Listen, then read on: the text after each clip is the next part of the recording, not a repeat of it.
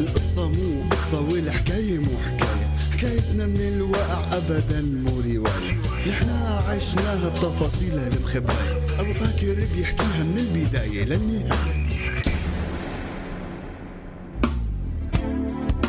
حكاية بلد. أب وأم وولد حياة جديدة بدها تنولد. حكاية سوريا الروح قبل الجسد. الروح قبل الجسد. هلا مع حكواتي السورياني عاها راديو سورياني خليكم معنا. يسعد لي أوقاتكم إخواتي السورياليين الغوالي وأهلا وسهلا فيكم بحلقة جديدة من حلقات حكواتي سوريالي. اليوم حنكمل معكم حكاية رفيقين جاسم ودحام أولاد مدينة الرقة يلي عاشوا عمر مع بعضهم وهن أكثر من إخوة. لكن وقت بلشت الثورة صار في اختلاف بالمواقف خلى جاسم يفكر إنه هو لازم يقطع علاقته بدحام لأنه دحام اختار يكون بصف النظام وما يكون بصف الشعب يلي عم يطالب بحريته وعم يحلم بدولة مدنية فيها المواطنين متساويين قدام القانون. فرستقولنا قعدتكم لنكمل حكايتنا.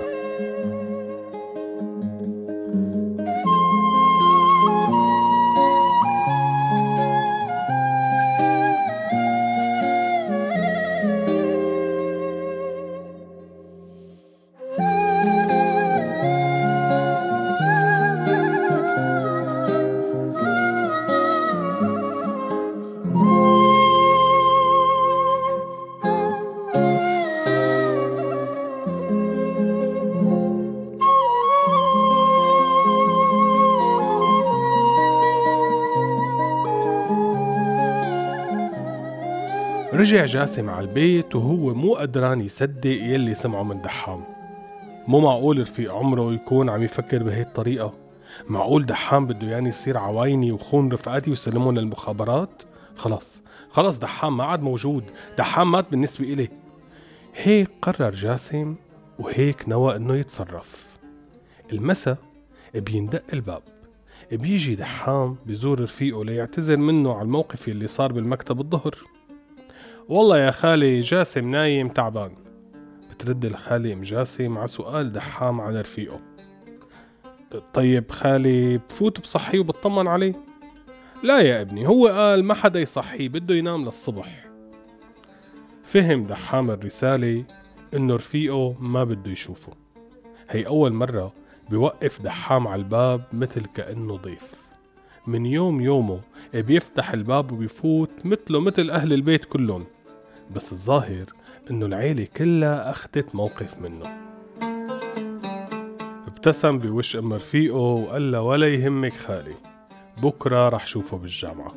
بس يا ريت تقولي له لا تظلم رفيقك يا رفيقي بخاطرك.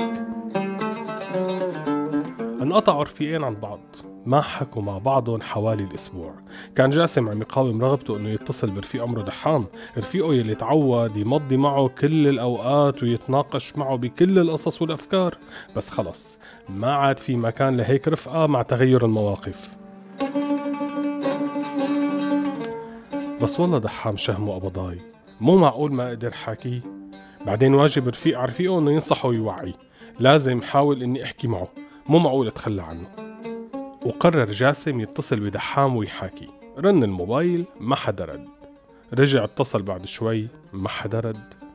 طيب بتصل فيه على البيت. اتصل فردت أمه لدحام وصوتها ما عم يطلع مخنوق. خير خالي بيكي شي حكت له الخالة أم دحام كل شي كيف اجى الأمن على البيت؟ وفتش غرفة دحام ولقى عنده اوراق ومنشورات ضد النظام وعلى كمبيوتره. لقى شغلات ما فهمت منها الخالة شو هي بس الظاهر إنه مو منيحة لأنه الضابط كان كتير معصب وهو عم يشوفها. بعدين اخدوه معهم. شو اخدوا خالي الكمبيوتر ولا دحام؟ الاثنين يا خالة. اخدوهم واخدوا مكتب الدحام وكتبه سكر جاسم التليفون وهو مو فهمان شي. ركض على الفرع. بس أي فرع؟ إيه في كومة فروع بالبلد؟ وين بدنا نسأل عنه؟ طيب رح روح على بيته وأفهم من أبوه وأخواته أكيد هن بيعرفوا وينه. وصل على البيت وفات سلم على الشباب وحاول يفهم منهم بس العجقة والضوجة كبيرة الكل عم يحكي ويشور عليهم وما حدا عم يسمع حدا. بقلب الضوجة قدر يسحب ماجد أخوه لدحام وياخده على غرفة تانية ويقول له لك فهمني شو صار؟ كيف هيك؟ مين هدول اللي إجوا؟ شو لقوا؟ مين؟ بقاطعه ماجد وبقول له اسكت هلأ مو وقت هالحكي بالتفاصيل. الله يصلحك يا دحام. قلت لك أكيد حيكونوا مراقبينك. أنت مدير فرع اتحاد الطلبة أكيد حيحطوك على المجهر. ما رد علي وبقى عم يشتغل. يشتغل شو لك؟ فهمني ماجد أنا ما عم بفهم شي. لك شبك جاسم بعرفك بتلقط على الطاير. دحام تنسيقية وهو من الشباب يلي عم يرتبوا للمظاهرات وقصص الكتابة على الحيطان والمنشورات. لك شبك خلص لفة هلأ بنحكي بعدين. ما بدي حدا يسمعنا. وراح ماجد لعند ضيوف يلي معبين الصالون وترك جاسم واقف متفاجئ ما عم يستوعب. ونحن كمان حنروح فاصل صغير ونرجع لكم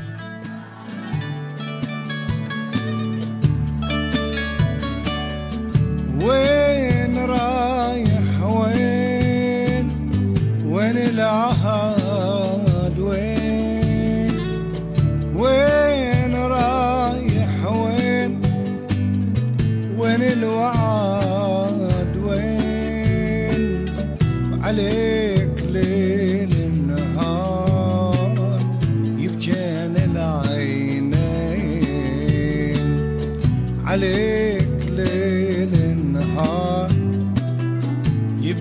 يبجين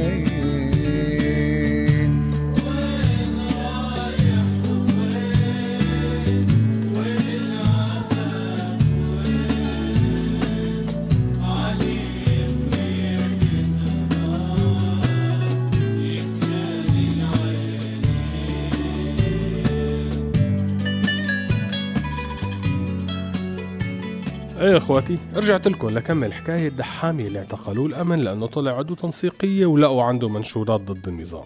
وجاسم يلي كان ناوي إنه يقطع علاقته فيه لأنه فكروا شبيحه عوايني جاسم يلي ما عاد فهم إنه ليش دحام مخبي عليه وما مخبره بهالشي؟ بس هلأ مو مهم المهم نعرف وينه ونطالعه. طبعا إخواتي انتو بتعرفوا إنه كلمة نطالعه مو سهلة. خاصة إذا كان المعتقل على أساس محسوب على جماعة النظام واكتشفوا إنه لا. هذا الله وكيلكم بياكل قتل وبيفرق لأنه مو بس بيعتبروه مندس وعميل وإرهابي وخاين للوطن. لا هذا بصير خاين للنظام بشكل شخصي. خاين للحزب والقائد. الوطن ما بوعود مهم إذا خانوا ولا لا لأنه القائد أهم من الوطن بالنسبة لهم. فمشان هيك عصي دحام بالمعتقل حوالي ست شهور. طبعا بالنسبة لغيره كمان رقم قليل لكن هالحكي ببداية الثورة يعني وقت كان لسه في ناس عم تطلع على رجليها من المعتقلات. خاصة إذا أهلها يعني دفعوا المبلغ المطلوب. طلع بعد ست شهور غير شخص. نحفان تعبان مكسر تكسير. بهالفترة يلي غابها كانت البلد كمان تغيرت وبلشت الحركة السلمية تخف. والنظام انتقل من مرحلة الضرب والاعتقال لمرحلة القصف. الرقة مثل غيرها من المدن السورية كانت عم تتمايل بخطواتها شباب عم يتحركوا نظام عم يقمع عنف عم يزيد وبلد عم تخرب. وقعد جاسم مع دحام يحكي له شو صار بغيابه أحداث. ودحام قاعد عم يسمع وهو ساكت. بعدين اطلع فيه وقال له ولك معقول شكيت فيي وفكرتني عوايني؟ سكت جاسم ومارد. فكمل دحام وقال له بتعرف إنه الضرب والقتل والتعذيب اللي شفتن كوم وظنك فيي اني كنت عوايني كوم؟ جوات المعتقل كان همي بس إني ما موت مشان أطلع وشوفك وأقول لك إنك ظلمتني. ظنيت فيي ظن عاطل وما كنت قدران تستوعب إنه العين علي وما في أتصرف براحة وعلنية مثل غيري.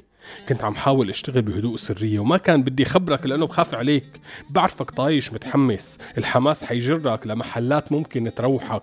يمكن أنا كمان غلطت إني ما صارحتك من البداية بس أنت كتير غلطت وقت صدقت إنه ممكن يكون عوايني وسلم رفقاتنا الشباب. ما عم بقدر أتخيل كيف هيك بتفكر.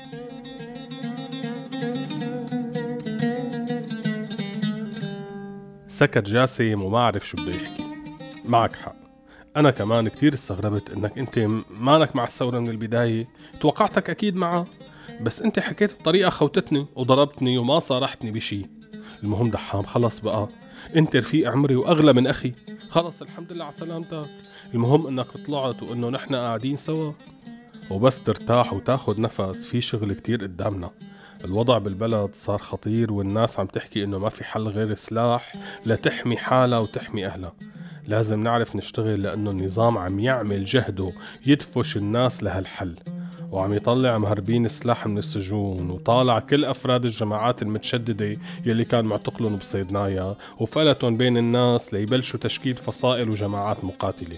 هذا كله ما حيكون لا لخير البلد ولا الثورة. النظام عم يلعب بذكاء ونحن لازم نكون قده.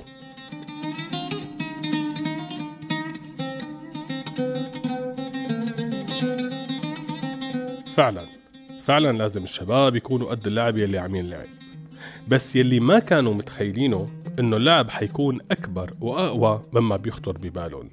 ما كانوا متخيلين إنه بعد شهور من الشغل والتعب والتنسيق ينجحوا بحشد الناس بقوة وتبلش سلطة النظام تخف بالرقة ويصير احتمال تحريرها قريب كتير لكن فجأة بينسحب النظام من المدينة وبيتركها بدون سلطة.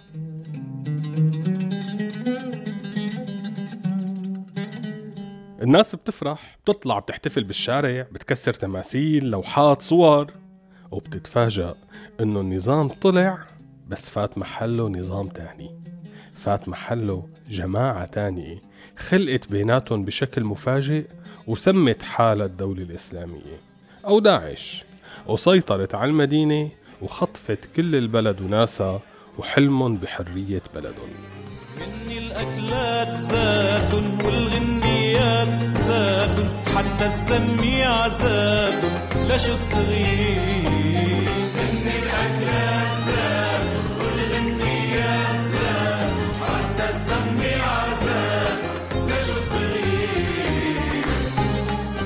لهون بيكون وقتنا قرب يخلص بس الحكاية ما خلصت. الأسبوع الجاي بكملكن إياها لنشوف شو صار مع الشباب ومع أهل الرقة. استودعناكم تقدح يومي وبأي شلك كأنه فكرك انه بكره بيحمينا نحن وإنت يلي عم تقدح يومي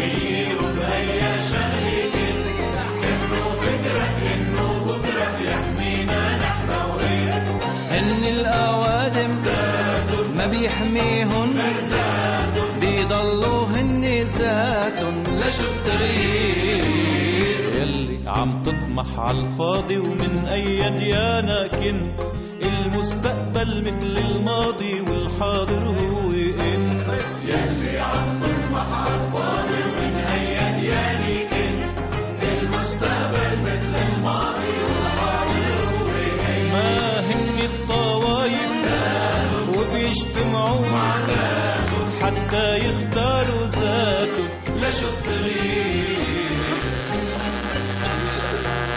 هذا البرنامج من إنتاج راديو سوريالي 2016 عم تسمعوا راديو سوريالي.